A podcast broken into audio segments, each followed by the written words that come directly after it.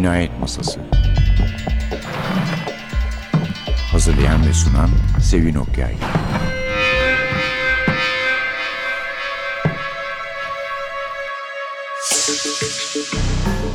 Merhaba. NTV Radyo'nun Cinayet Masası programına hoş geldiniz. Bugün bir konuğumuz var. Gülce Başar. Evet o Gülce Başar. Şair olan. Ama şiir yapmıyoruz. Mutlaka biliyorsunuzdur. Şaka yapıyorum. Gülce hoş geldin. Hoş bulduk merhabalar. Gülce bir ceset bir sözün yazarı. Hatta daha önce e, bir yıl oldu diyor Gülce. Biz gene yapmıştık. O çok hastaydı öyle bir günde bu Evet. kitabın programını. Ama bu arada hayli gelişmeler oldu. Gülce ödül kazandı bir defa. Zaten kitabının kapağında da var. Altın Sayfa Polisiye Edebiyat Ödülü 2015. Bir ilk kitapla bir kadın yazar olarak bir polisiye ödülü kazanmasını çok hoş buluyorum doğrusu ve devam da etmeye niyetli. Yani sevdiğimiz karakterler var içinde de onun için sormuştuk devam ediyor musun diye. Ediyormuş. Remzi Kitap Evi'nden çıktı. Bu ilk kitabı. E sen ne diyorsun? Bu ödül nasıl geldi sana yani? Seni memnun etti mi? Evet ben Çok. mutlu oldum. Kendim de dahil. Kadınlar ne zaman ödül alsa ben mutlu oluyorum. Çünkü hani kurumlar, yapılar gitgide erkekleşiyor. O yüzden hani herhangi bir hemcinsim bir yerde adını gördüğüm zaman ben mutlu oluyorum. Zaten gerçekten orada da inanarak ödülü mücadeleyi sürdüren kadınlara adamıştım. O duruşta o, o ruh halim devam ediyor. Benim için iyi oldu, motivasyon oldu tabii ki. Yani sonuçta bu benim aslında ilk kitabım değil, ilk romanım. Yani Evet. iki tane şiir kitabım Şiir var. kitabım var. Geçmişimde işte bu yılın sonuna doğru bir şiir kitabı daha düşünüyorum. Dosya hazırlanıyor artık. Gene roman yazıyorum. İşte yazmayı seviyorum. Ve hani o soruyu da hemen yanıtlayayım. Benim için işte şair roman yazmaz, romancı işte bu ayrım buna inanmıyorum aslında. Hani bir şekilde insan yazmayı seviyorsa tek boyutlu bir canlı değil. Ve bir kısmı bazı ifadeleri şiirde yapmak istiyor bazı çünkü ikisinin işlevi de aynı değil ama bu çok derin bir mevzu ama bir genelleme Ama olarak işlevinin aynı olmaması belki daha iyi yani. Evet. İkisini de yazan insan için. E, hepsi bir yerini dolduruyor. Yani sonuçta ya yazan birisinizdir ya da yazmayan birisinizdir. Yani ya kelimelerle, sözcüklerle yaşayan birisinizdir ya da başka şeylerle yaşayan birisinizdir. Şimdi yazarlar çeviri yapıyorlar. Çevir yani bence her çevirmen bir yazardır aynı zamanda. Ama enerjisini çeviriye veriyordur. Yani bizim çevirmen olarak bildiğimiz isimlerden hani ah ne kadar güzel çeviri diye okuduğumuz bir çevirmen yazar aynı zamanda. Ama o o tarafını yapmak istiyor ya da onu yapmaya bir şekilde eğilimleniyor. O yüzden hani ya sözcüklüsünüzdür ya sözcük insanı değilsinizdir. Ve hani sözcük insanıysanız sözcükleri her türlü kullanmak istiyorsunuz. Dünyanız onun üzerine kurulu zaten. Doğru evet öyle oluyor. Yani sen bunları söylerken ben bunları ciddiyetle severek inanarak yapmak gibi aldığım için söylüyorum. Evet. Bir daha öyle lay lom diye kitap yazmak sözde Hayır. şiir yazmayı kastetmiyorum tabii. Sen de kastetmiyorsun mutlaka. Hayır yazmak benim için yani daha doğrusu kitap okumak ve yazı yazmak benim için her zaman için bir var olma biçimi oldu. Bir iletişim biçimi oldu. Sizin için de öyle aslında. Benim için de öyle, hani evet. çok kez konuştuğumdan daha iyi yazdığımı düşünüyorum. Yazılı olarak mesela kavga etmeyi sevmiyorum. Çünkü çok sert oluyor ifadelerim. Neyse öyle devam et sen gene.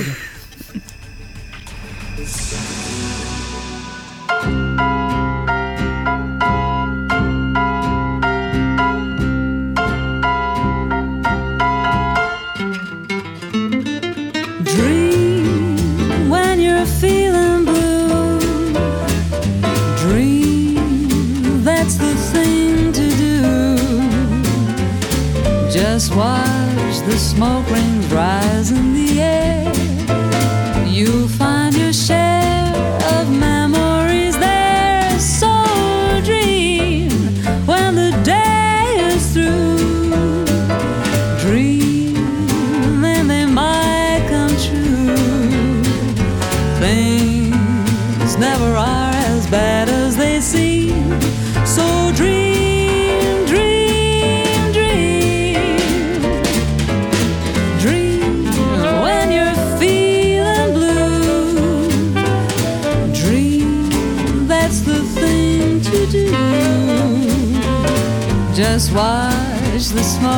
try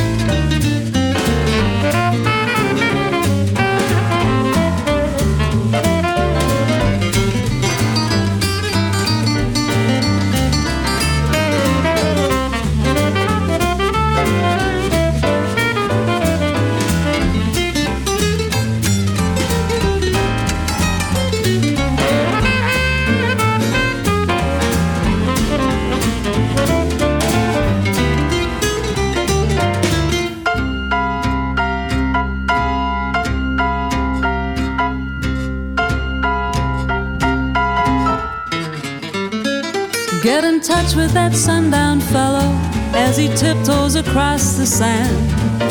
He's got a million kinds of stardust. Pick your favorite brand and dream when you're feeling blue.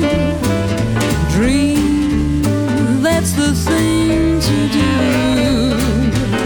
Just watch the smoke rings rise in the air. You'll find your share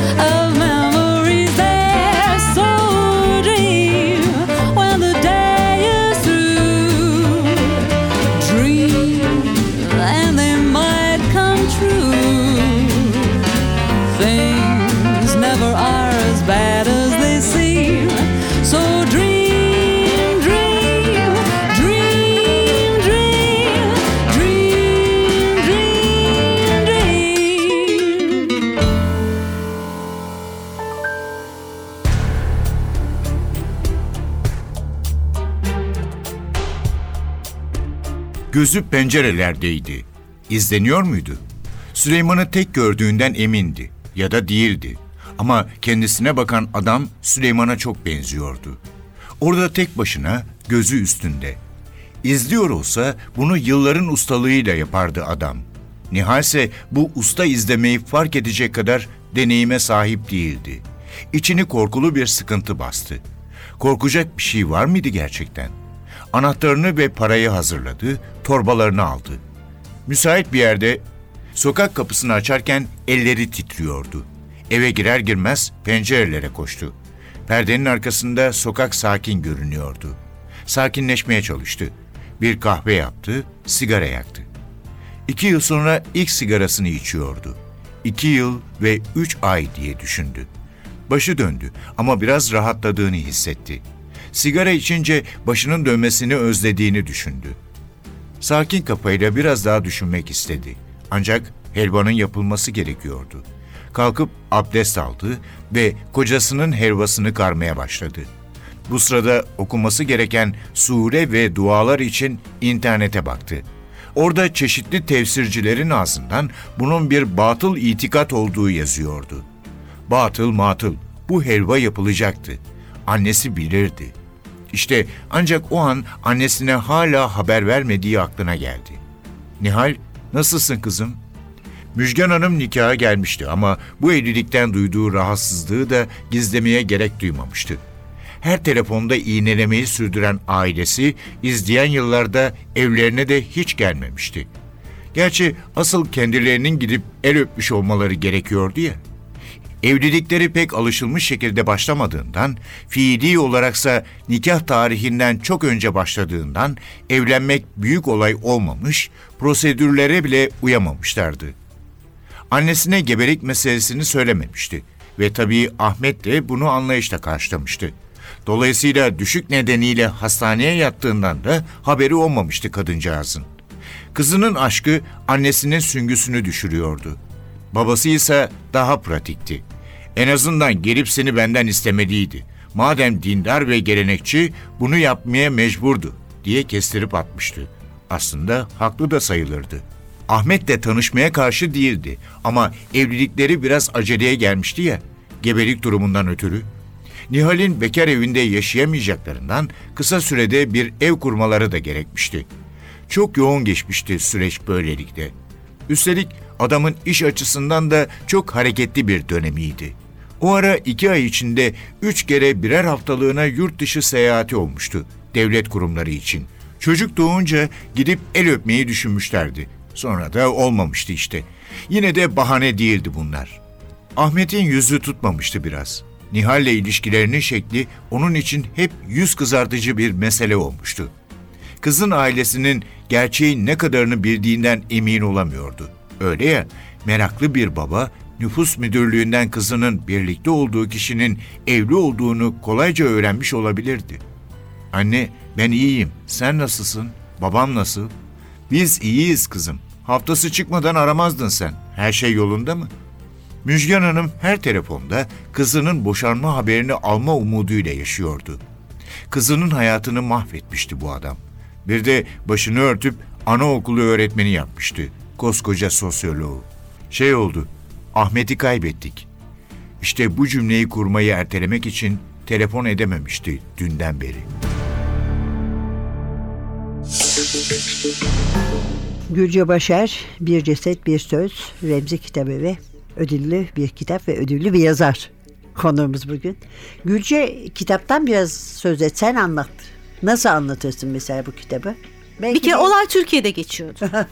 yani e, bu kitabı hani kurarken de her şeyde biz nasıl yaparız ruhunu ön planda tuttuğumu itiraf ediyorum. Aslında bazı noktalarda yani ba- ne bileyim bazı resmi kurumların hayatlarımızın gündelik hayatlarımızın beni de rahatsız eder şekilde fazla içinde olması. O yüzden he- her birimizin böyle hani aklımıza hayalimize gelmeyecek maceralar içinde bulmamızın kendimizin mümkün olması benim bu kitaptaki hani motivasyonlarımdan biriydi. Yani orada Ahmet gibi biriyle tanışıp tanışmayacağınızı bilemezsiniz ama bu burada mümkün böyle şeyler. Evet. Ya da ne bileyim işte çeşitli kurumlar daha doğrusu sosyal yapı çok farklı ortamlarda çok farklı kimlikler geliştirmenizin önünü açan bir sosyal yapımız var. Yani her durumda aynı kişi olmuyorsunuz ve gerçekten çok farklı insanlara dönüşebiliyorsunuz. Sonuçta bu bir cinayet öyküsüdür. Evet. Bunları da bir de şey de var yani kanıksamak diye de bir şey var. Yani bunları normal karşılamaya başlıyorsun. Yani Evet. eskiden çok tepki göstereceğin. Olumlu ya da olumsuz. Tabii, Şeyleri tabii. şimdi çok normal karşılıyorsun. Yani bence herkes fantastik yazar oldu sonuçta ya. Çünkü fantastik bir dünyada yaşıyoruz belki. Son işin gerçeği şu. Şimdi diziler aynı ruha, aynı minvalde gidiyor. Evet. Şimdi dizi dediğiniz şey herkesin akşam çekirdek çitlerken oturup izlediği bir şey. Ama dizilerde de bunlar normalleşti. Ya da işte ne bileyim sonuç olarak burada bir ihanet öyküsü gizli. Ya da bir takım hani insanın sevgilisine söylememesi gereken yalanlar var. Evet. Aslında insanın ne bileyim ailesinden gizlememesi gereken şeyler var değil mi? Yani samimi içtenliğin gizlememeyi gerektirdiği şeyler var. Ya da ön yargılar var. Böyle Evet. pervasızca ortaya konan ön yargılar ve hani bunlarla bir sorgulamamız gerek. Hani sorgulamak da artık yapışkan oldu ama böyle bir ya ben hakikaten ne düşünüyorum ya da neye nasıl tepki gösteriyorum dememiz gereken şeyler gayet normalleşti ve mesela şurada yazdığımla ilgili hiç kimseden ay sen nereden buldun da bunları akıl ettin diyen olmadı. Akıl ettin de bir araya getirdin de. Aynen çünkü son derece parçalı hayatlar yaşıyoruz ve işler bu şekilde yürüyor bu ülkede. Ve hani aslında bakarsanız Çoğu yerde öyle ama sadece bu ülkeye de has bir şey değil yani. Dünyada genel bir değişim oluyor ve farklı şekillerde tezahür ediyor.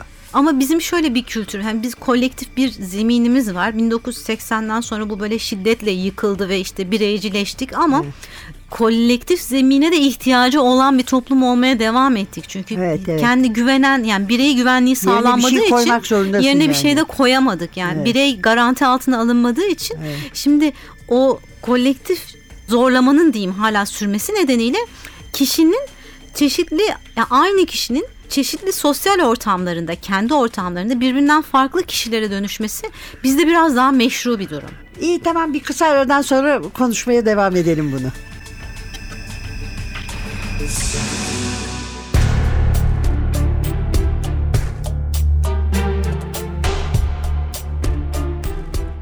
Ani bir gerginlik oldu. Hakan Nihal'e kendinizi bir odaya kilitleyin, pencereye yakın durun ama menzilinde olmayın dedi alçak sesle. Nihal'in içeri kaçtığı görüldü. Hemen aynı anda nereden basıldıysa bir otomat sesi, Özlem'in ise Hakan sonra şu adamlarla konuş kahve geldi diye piknik yapıyoruz zannetti bunlar. Bana hala kapı işareti vermediler diye seslendiği duyuldu. Hakan'ın cevabı sert ve netti. Görmediler çünkü. Sokak araba alarmıyla inlediğinden otomat sesini de duymamışlardı. Asansörün kapısının açıldığı duyuldu. Gözetleme deliğinden koridoru izlemekte olan Hakan küfrederek kapıyı açtı. Oğlum Allah cezanı ne yaptın lan? Eh Hasan, oğlum siz bizimle dalga mı geçiyorsunuz? Nihal hızla odadan çıkıp yanlarına gitti. Yerinden zıpladığında hafifçe başı döndü yine. Acıktığını fark etti. Saat kaç olmuştu? Bunlar acıkmıyor muydu? Salonda üçü hararetli hararetli konuşuyordu. Uzun, ince, kumral ve seyrek saçlı bir adam pek şaka yapıyormuşa benzemiyordu konuşurken. Abi, devriye biraz deneyimsiz ekipten. Ben de işler ne kadar güvende bir deneyeyim dedim. Bir konuşun şu adamlarla. Salak gibi davranmasınlar. Bu da istediğin zarf Özlem abla. Hasan ekibin parlak çömeziydi. Özel harekattan gelmişti kendi isteğiyle. Henüz 25 yaşındaydı ama Hakan onun kısa sürede en ağır kıdemli olacağından emindi. Olay yerindeydi daha ziyade şimdilik. Orada bir süre takılacaktı. Sonra ya bayanla ya da kendisiyle zor işlere verilecekti. Özleme bayan demeye yaşı tutmuyordu. Demeye teşebbüs etmeyen tek çömezdi. Demeye kalkan çömezlere beş saniyede haddini bildiriyordu Özlem. Çömezlerin kendilerini kadın memurlara eşitleme girişimleri çok ters tepiyordu onda ve laubalilikten gerçekten hoşlanmıyordu. Hasan gergin bir sesle devam etti. Eşref'le geldik. Eşref araçta. Ben işaret verince alarmı öttürdü. Bu herifler de kapıya değil alarma koştular. Ben bahçelerin aralarından geldim. Yoldan değil. Uyanmadılar. Bunlar alarma bakarken kapıyı çaldım. Birkaç zil çaldım. Biri sormadan açtı. Hep olur. Apartmanı uyarmadınız herhalde. Başlarını salladılar. Normaldir. Gizli operasyon bu. Kapı açıldı. Ben elimi kolumu sallaya sallaya içeri girdim. Cinayetler profesyonel işi. Bu heriflerle sizin çok dikkatli olmanız lazım abi. Sonra Nihal'e baktı. Pencereden aşağıdakileri saydırmaya başlamıştı. Özlem'le Hakan endişeyle bakıştılar.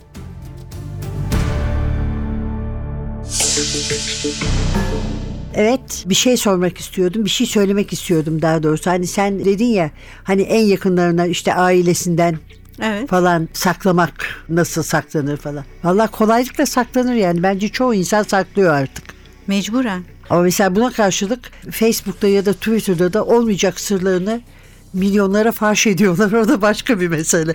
Tabii ki şimdi Facebook ve Twitter'da yapılan şey kendinize bir olmak istediğiniz benlik tasarlıyorsunuz ve ortaya koyuyorsunuz. Onu inandırıcı Hakiki kılmak bir için şey de değil ayrıntılarıyla vermeye Evet. çalışıyorsunuz. Mesela ben çok çılgınım tırnak içinde. Nasıl çılgınım? İşte bakın şöyle bir yerde şöyle bir poz veriyorum. Böyle biriyiz. Ama gerçekte olan şey içerideki dram ya da trajik durumu onu paylaşamazsınız ya da onu gizlersiniz ya da kendi içinizde yaşadığınız mesela ailenizden gizli yaşadığınız bir ilişkiyi onu ailenize söylediğiniz anda çok şey kaybedersiniz oluyor ve o kendi görünmek istediği biri olmaya olarak ama ya bu romanda hani oraya girmedim açıkçası o Evet, Facebook evet. veya sosyal misin? medyaya Çünkü bir zaten epey girilen şey var. O zaman çok dağılabilirdi. Evet yani Evet. ona yer yoktu. Hepsini birden aynı romanda anlatamayız ya. Şimdi eğer sahiden okumayan varsa şöyle kısaca e, anlatalım. Bu kendisinden çok şeyin saklandığını fark eden insan Nihal kitapta. Ama Nihal de senin dediğin gibi ailesinden bir takım şeyler, yakınlarından diyelim. Nihal de entrikacı bir kadın. Evet, e, şeyler saklıyor. Ve kocasının ölümünden sonra çok sevdiği kocasının hatırı olsun, gönlü olsun diye kapalı gezmeyi de kabul etmiş oysa bir sosyolog oysa yani daha farklı bir çevreden Evet. gelen bir insan kocasının ölümü üzerine hem yavaş yavaş bilmediği şeyleri öğrenmeye başlıyor hem de kendisinin de tehlikede olduğunu görüyor. Ama kocasına yakın oldukları için ona hem yardım etmek hem de onu bir iz bulucu gibi kullanmak isteyen insanlar da var değil mi?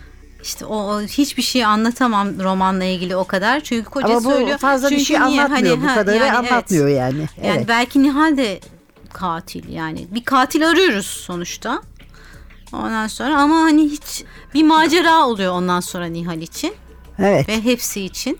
Çünkü takip edildiği için korunması gerekiyor. Yani eşini öldürenler Nihal'in de peşindeler gibi bir sahne. Zaten Nihal'den çıkıyor. nasıl şüpheleniyorsak mesela kocasının sigorta şirketinde çalışan yardımcısı Nafiz'den de şüpheleniyoruz. Tabii tabii herkes Aynı şüpheli. şekilde. Yani o bu böyle hani başında efendim işte katil bu deyip de ondan sonra ama nasıl olduğuya dönen bir roman değil. Basbayağı katili Katili arıyorsunuz yani. Arayalım da zaten. Peki senin üzerinde etkisi olan yerli yabancı yazar var mı? Çok. Ben okuduklarımın birisiyim. Yani mesela ilk büyük yazarım Tolstoy'du benim. Çok da erken bir yaşta okumuştum. Çocukluk romanlarımın bile etkisi. Yani bir tane Rus yazar okumuştum çocukken. Okumayı sevdiren o olmuştu mesela. Ondan sonra okumaya başladım. Sonra ya o kadar çok ki ne bileyim işte Emily Bronte'den de etkilendim. Ne bileyim işte Emile Ajar'dan da etkilendim. Onun gibi yazmayı iste çok oldu ve ha- sonuçta ciddi bir şiir okuruydum da. Orada da Atilla İlhan'dan tutun Turgut Uyar, Edip Can- hani Çok yani Okuduklarımızın- düz yazıda da şiirde de. Tabii mesela uzun uzun süre düz yazı yazmaya cesaret edememin bir nedeni Aziz Nesin'in öyküleri çok güçlü, dili çok güzeldi daha doğrusu. Hani böyle bir ne denir deneysel değil de ama dili çok güzeldi ve uzun süre yazmadım.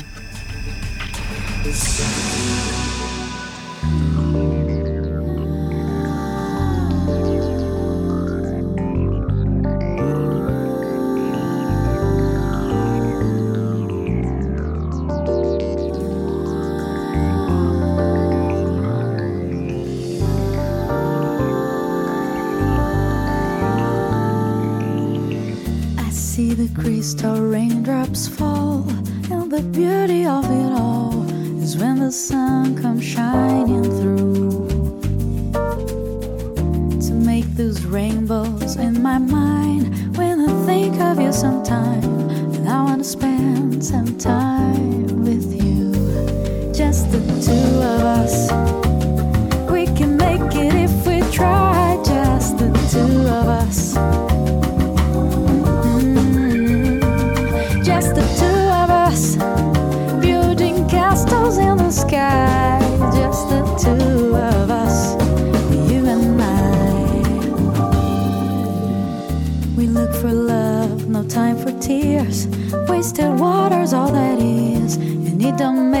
não fly.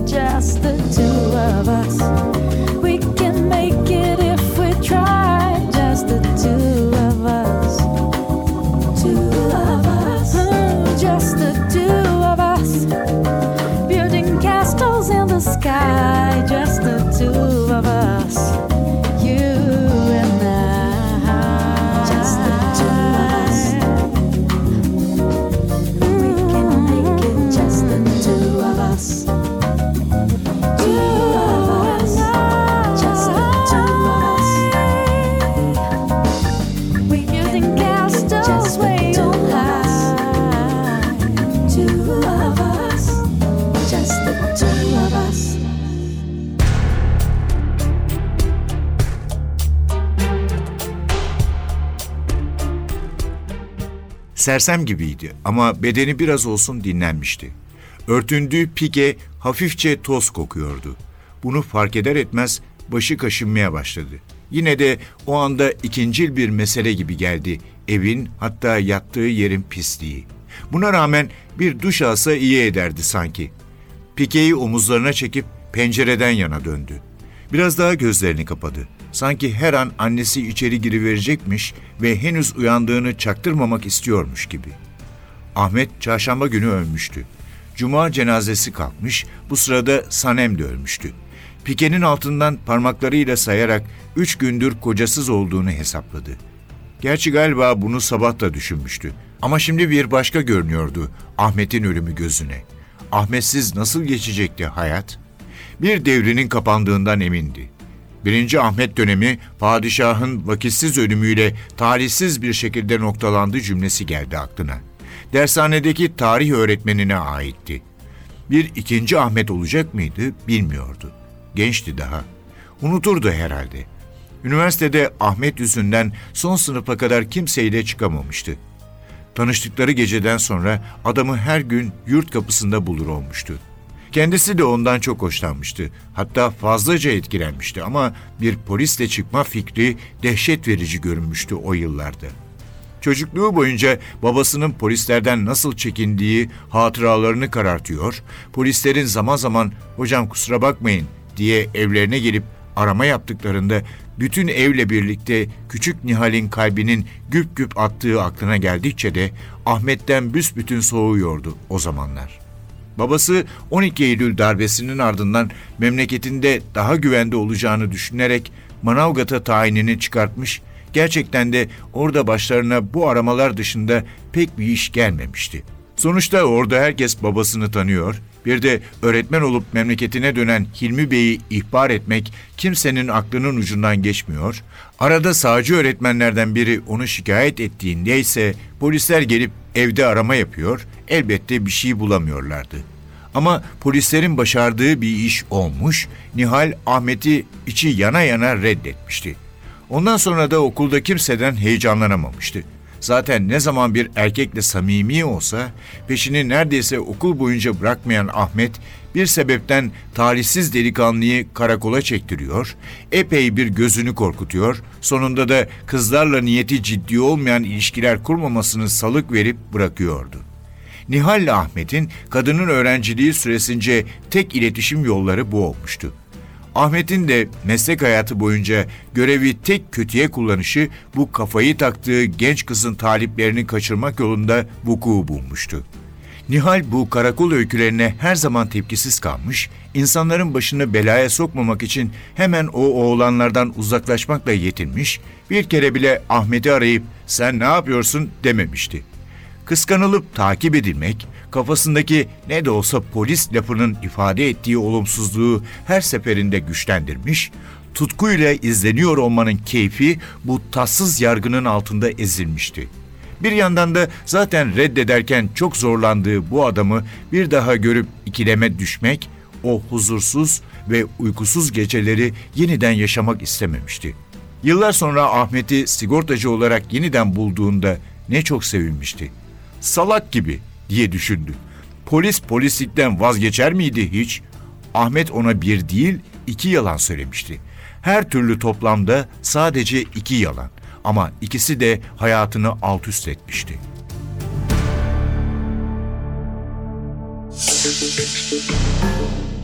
Gülce Başar'la birlikteyiz. Bir Ceset Bir Söz ödüllü kitabı. Gülce Almanya doğumlusun. Evet. Kaç yaşında geldin buraya? Bir yaşında. Yani kendimi İzmir'de bildim. Ha, o zaman Almanca bilmiyor musun yani? Almanca başımı kurtaracak kadar Almanca biliyorum. Çünkü evde küçükken benim anlamamı istemedikleri şeyleri kendi Senin aralarında anlama- Almanca konuşuyorlardı. Almanca söylüyorlardı birbirlerine. Ve bu durumda bütün çocuklar o dili öğrenir. bu bana özgü bir durum değil. Sonra Evet, evet, seçmelerim doğru. falan da Almanca oldu. Yani gramerini aldım ama İngilizce o kadar dominant, o kadar rahat her yerde konuşabildiğiniz bir dil olduğu için yani herkes İngilizce bildiği için Almanya'ya gittiğimde bile bir süre sonra İngilizce konuşuyorum. Çünkü daha kolay ifade ediyor. İşte ben de mesela iki yıl Almanca okumuştum lisede. Çok da iyi Alman öğretmenlerden. Ama Almanya'da herkes İngilizce konuştuğu için hiç Evet. canımı sıkıntıya sokmak gereği duymadım yani. öyle oluyor bir şekilde ama ben bu sefer gittiğimde biraz uğraştım. Yani Ha. hani böyle başını gözünü yara yara hani çünkü öyle öğreniliyor dil Öyle aslında. öğreniliyor tabii tabii. Bornova Anadolu Lisesi'ni bitirdin. Sonra Boğaziçi işletme okudum. İşletme mezunuyum benim lisansım. işletmecisin aslında. Evet hani o işi yaptım arada hala yapıyorum o projeler alabiliyorum. Ama Atatürk Enstitüsü'nde Boğaziçi'nde yüksek lisans ve doktora yaptım. Sosyal bilimciye dönüştüm. Yine interdisipliner bir tez hazırlıyorum. Bitmek üzere doktora tezim. Edebiyat ve tarih, sosyal tarih yani kültürel çalışmalarcı olmak üzereyim nasip olursa. Evet. Türkiye'de pek yok daha ama olacak. E, iyi ama böyle böyle küçük öncülükler yani çok iyi şeylerdir. Mesela ben çok isterdim ki yani bizim burada üniversiteye benim girdiğim yılda keşke sosyal antropoloji olsaydı. Bir yıl Keşke. sonra geldi. Keşke. O çok keyif verecek bir bölüm olurdu. E, Benim düşüncem mesela biz üniversitedeyken son seneydi galiba özel üniversiteler açılmaya başladı ve bir tanesi şöyle bir uygulama yaptı. İkinci sınıf sonuna kadar bölüm seçmek yok. Giriyorsunuz devam ediyor. Türkiye'nin en büyük problemi o. Şimdi üniversite sınavında karar veriyorsunuz, giriyorsunuz, oradan çıkmak zorunda hissediyorsunuz. Halbuki o insan değilsiniz aslında. Ama ben işletme okumuşluğumu hiçbir zaman bir kayıp olarak görmem. Çünkü sosyal bilimleri anlamamda kolaylaştırıcı Faydası oldu. oldu onun da evet. Psikoloji alıyorsunuz. İşletme hani o kadar boş bir branş değildi benim için. En azından iş, yani çıktığınız dünyanın ne olduğunu okurken öğrenmiş oluyorsunuz aslında. O yüzden mezun olmayı hiç istemedim. Çok mutluydum üniversitede. Hala öğrenciyim. Hala öğrencisin. Öğrenci olmak da güzel bir şeydir Çok. canım. Sonra şiire mi başladın? Yani Şiire üniversitede çok- mi başladın? Hayır, şiire ben ilkokul birinci sınıfta Oo, başladım. aman Allah. Çünkü annem benim bir şiir okuruydu. Ciddi böyle hani çocukları anneler ninni söyler falan. Benimki bayağı bana şiir okurdu. Peki polisi okuyan oldu mu? Ona sen kendin mi? Bizim evde işte bütün bu şimdi kütüphaneli evde doğdum. Hani polisiye romanlar vardı, Agatha Christie'ler vardı. Ondan sonra ve polisiye seyreden bir aileydik. Aha, öylece hani yakınlık Ciddi bir yani. kütüphaneli evde doğdum. Elime ne geçtiyse okudum. Sırf zevki, yani okumak benim özel alanım oldu çok erken yaşta. Şanslıydım aslında. Evet çok şanslıymışsın. Evet efendim Gülce Başar konuğumuzdu. Bir ceset bir söz Dünya Gazetesi'nin altın sayfa polisiye edebiyat ödülü 2015. Remzi Kitap Evi'nden çıktı. Kitap Gülce çok teşekkür ederiz. Ben de çok teşekkür ediyorum. Seni böyle ikide bir de çağırıyoruz ama arada değişiklikler ve gelişim oluyor. Ne yapalım yani? Sizinle Evet. vakit geçirmek çok güzel. Çok teşekkür ederim Rica ederim. Evet bugünlük de bu kadar. Önümüzdeki hafta umuyoruz bir başka konukla ama öyle olmasa bile bir başka yazar ve kitapla huzurunuzda olacağız. Mikrofonda Sevin, masada Atilla. Hepinize çok heyecanlı diyelim de çok vurgusu olsun bari. Günler diler. Hoşçakalın.